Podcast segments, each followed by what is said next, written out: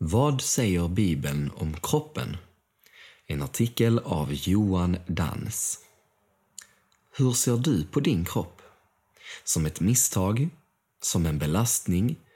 Eller som en gåva? Den du är med dina talanger och förmågor. Bibeln lär oss att kroppen är underbart skapad av Gud. Att den precis som allt i vår värld är en del av syndafallet och att vi ska få uppstå med våra kroppar till evigt liv. I kyrkan pratas det ofta om andliga frågor och kanske kan det verka som om kroppen är oviktig enligt den kristna tron. Men Bibeln visar oss något helt annat. Att vara en människa, skapad till Guds avbild, innebär att du är skapad med en ande, en själ och en kropp. Du bor inte i en kropp.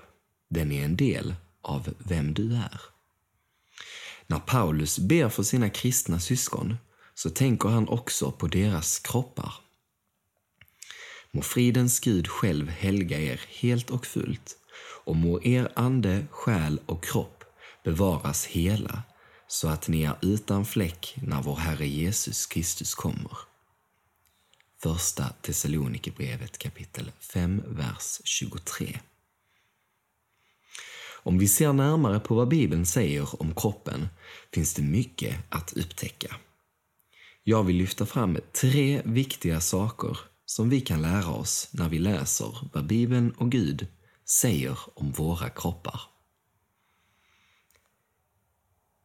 Din kropp är skapad av Gud. Det här är en sak som ibland har provocerat den som inte är kristen. Kristen tro handlar inte bara om din ande och själ utan också om din kropp. Den är skapad av Gud och en oerhört viktig del av vem du är. Det betyder att det inte är oandligt att ha ett fysiskt arbete eller att vara en människa som tränar eller att vara en läkare eller sjukvårdspersonal som arbetar för att bota kroppen. Det innebär också att Gud kallar dig att använda din kropp, dina talanger och gåvor för att tjäna honom. Precis lika mycket som andliga, sociala eller intellektuella förmågor. I första kapitlet i Bibeln, Första Mosebok kapitel 1, kan vi läsa om när människan skapas. Gud skapar oss för att leva goda liv i den här världen och ta hand om hela skapelsen, inklusive våra kroppar. Din kropp är inte ett kosmiskt misstag, utan en viktig del av vem du är, skapad att likna Gud. Du är skapad för att leva rent fysiskt i Guds skapelse, som du också rent fysiskt ska ta hand om. Detta gäller både män och kvinnor, gamla och unga, korta och långa. Gud har gett dig dina talanger och förmågor. Sportintressen, musikalitet, din förmåga att arbeta och vara kreativ. Allt är en gåva från honom som skapat dig.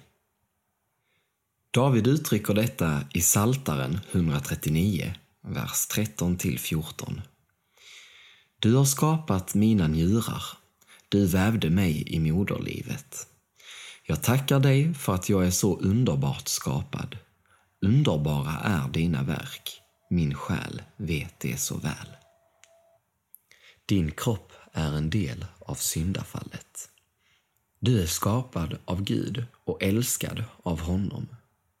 Men din kropp är också drabbad av syndafallet. Döden, sjukdomar och fysiska lidanden är en del av att leva i denna världen. Det innebär inte att du är sjuk eller lider för att du har begått en viss synd. Snarare är det så att hela skapelsen har blivit drabbad av att vi människor har valt bort Gud. Det påverkar hela oss. Dels våra kroppar, men också hur vi ser på dem och använder dem. Det påverkar även hur vi ser på andra människor. Vi vet att hela skapelsen gemensamt fortfarande suckar och våndas. Och inte bara den, utan också vi som har fått anden som förstlingsfrukt suckar inom oss och väntar på barnaskapet. Vår kropps förlossning. Romarbrevet kapitel 8, vers 22-23.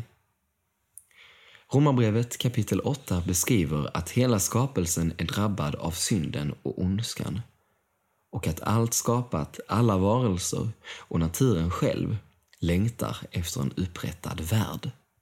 Paulus beskriver det vi väntar på som vår kropps förlossning. Kanske brottas du med en mörk bild av din egen kropp. Guds ord bjuder in oss att upptäcka evangeliet också för vår kropp. Att du är skapad av Gud, men också att du en dag ska upprättas av Gud. I väntan på den dagen får vi be Gud att hjälpa oss att se på oss själva med hans blick. Du kommer en dag att uppstå med din kropp till evigt liv. Det hopp som Bibeln beskriver inför evigheten är en fysisk värld. Det är inte gulliga små bebisänglar som flyger runt på små moln och spelar harpa eller någon formlös andlig tillvaro. Tvärtom beskrivs himlen och det eviga livet som fysiskt, kroppsligt och helt. Här får vi se på Jesus. Jesus uppstod inte bara som en ande. Han uppstod fysiskt. Hans kropp uppstod och när han visade sig för lärjungarna så kunde det ta tag i hans händer.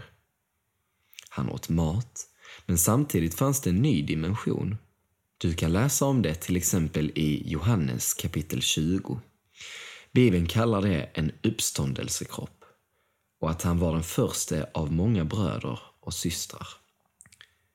Det är detta som väntar också oss. En fysisk tillvaro, en uppstånden kropp utan sjukdom, synd och död. De som han i förväg har känt som sina har han också förutbestämt till att formas efter hans sons bild, så att sonen blir den förstfödde bland många bröder. Romarbrevet kapitel 8, vers 29. Hitta den bibliska blicken. Så, hur ser du på din kropp? Våga se dig själv, inte bara genom kameran på din telefon eller genom de ideal av träning, utseende eller olika stilar som du omges av. Gud har skapat dig med ande, själ och kropp och vill dig väl. Målet är inte att jämföra sig med andra och att vara bäst eller snyggast eller starkast, utan att se hur Gud ser på dig och leva ditt liv tillsammans med honom. Många av oss kan brottas med självhat eller kroppshat. Gud vill ge dig ett nytt hopp här. Han vill hjälpa dig. I Bibeln talas det ofta om att våra ögon ska öppnas så att vi ser hur stor Gud är. Jag tror att Gud också kan öppna våra ögon så att vi kan se oss själva och andra runt omkring oss med Guds ögon. Vi lever också här i väntan på den dag när Gud ska upprätta oss helt och fullt och ge oss en helt klar blick och nya hela kroppar. När vi följer Jesus kan vi vara frimodiga även om vi inte känner oss perfekta. Alla dina förmågor och gåvor gör skillnad och Gud vill att du ska använda dem till att göra gott. Det kan faktiskt få ett eko ända in i himlen när vi följer Jesus. Herren kallar oss på att tjäna Gud, också med våra kroppar, att ställa oss till hans förfogande. Att det vi gör med våra kroppar som är gott, det blir en slags försmak av den nya skapelsen. Den värld som Gud har förberett för oss. Bön. Tack Fader för att du har skapat mig. Tack för att du älskar mig. Tack för att jag får följa dig, också med min kropp och mina gåvor och förmågor. Hjälp mig att se på mig själv och människor runt omkring mig med din blick. Låt mig få leva dig till ära och människor till glädje och hjälp.